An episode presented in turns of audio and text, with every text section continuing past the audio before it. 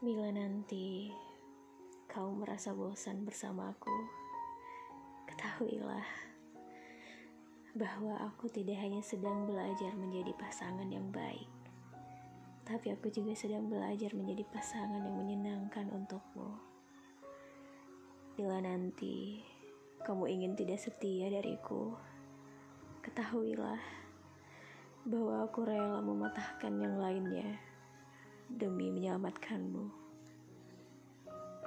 Bila nanti kamu ingin dengan sengaja menyakitiku, ketahuilah bahwa untuk menjaga hatimu, aku begitu berhati-hati. Bila nanti kamu berniat meninggalkan aku sendiri, ketahuilah bahwa ada seseorang yang begitu bersyukur sebab telah diperkenankan Tuhan untuk mendampingimu. Seseorang itu adalah aku.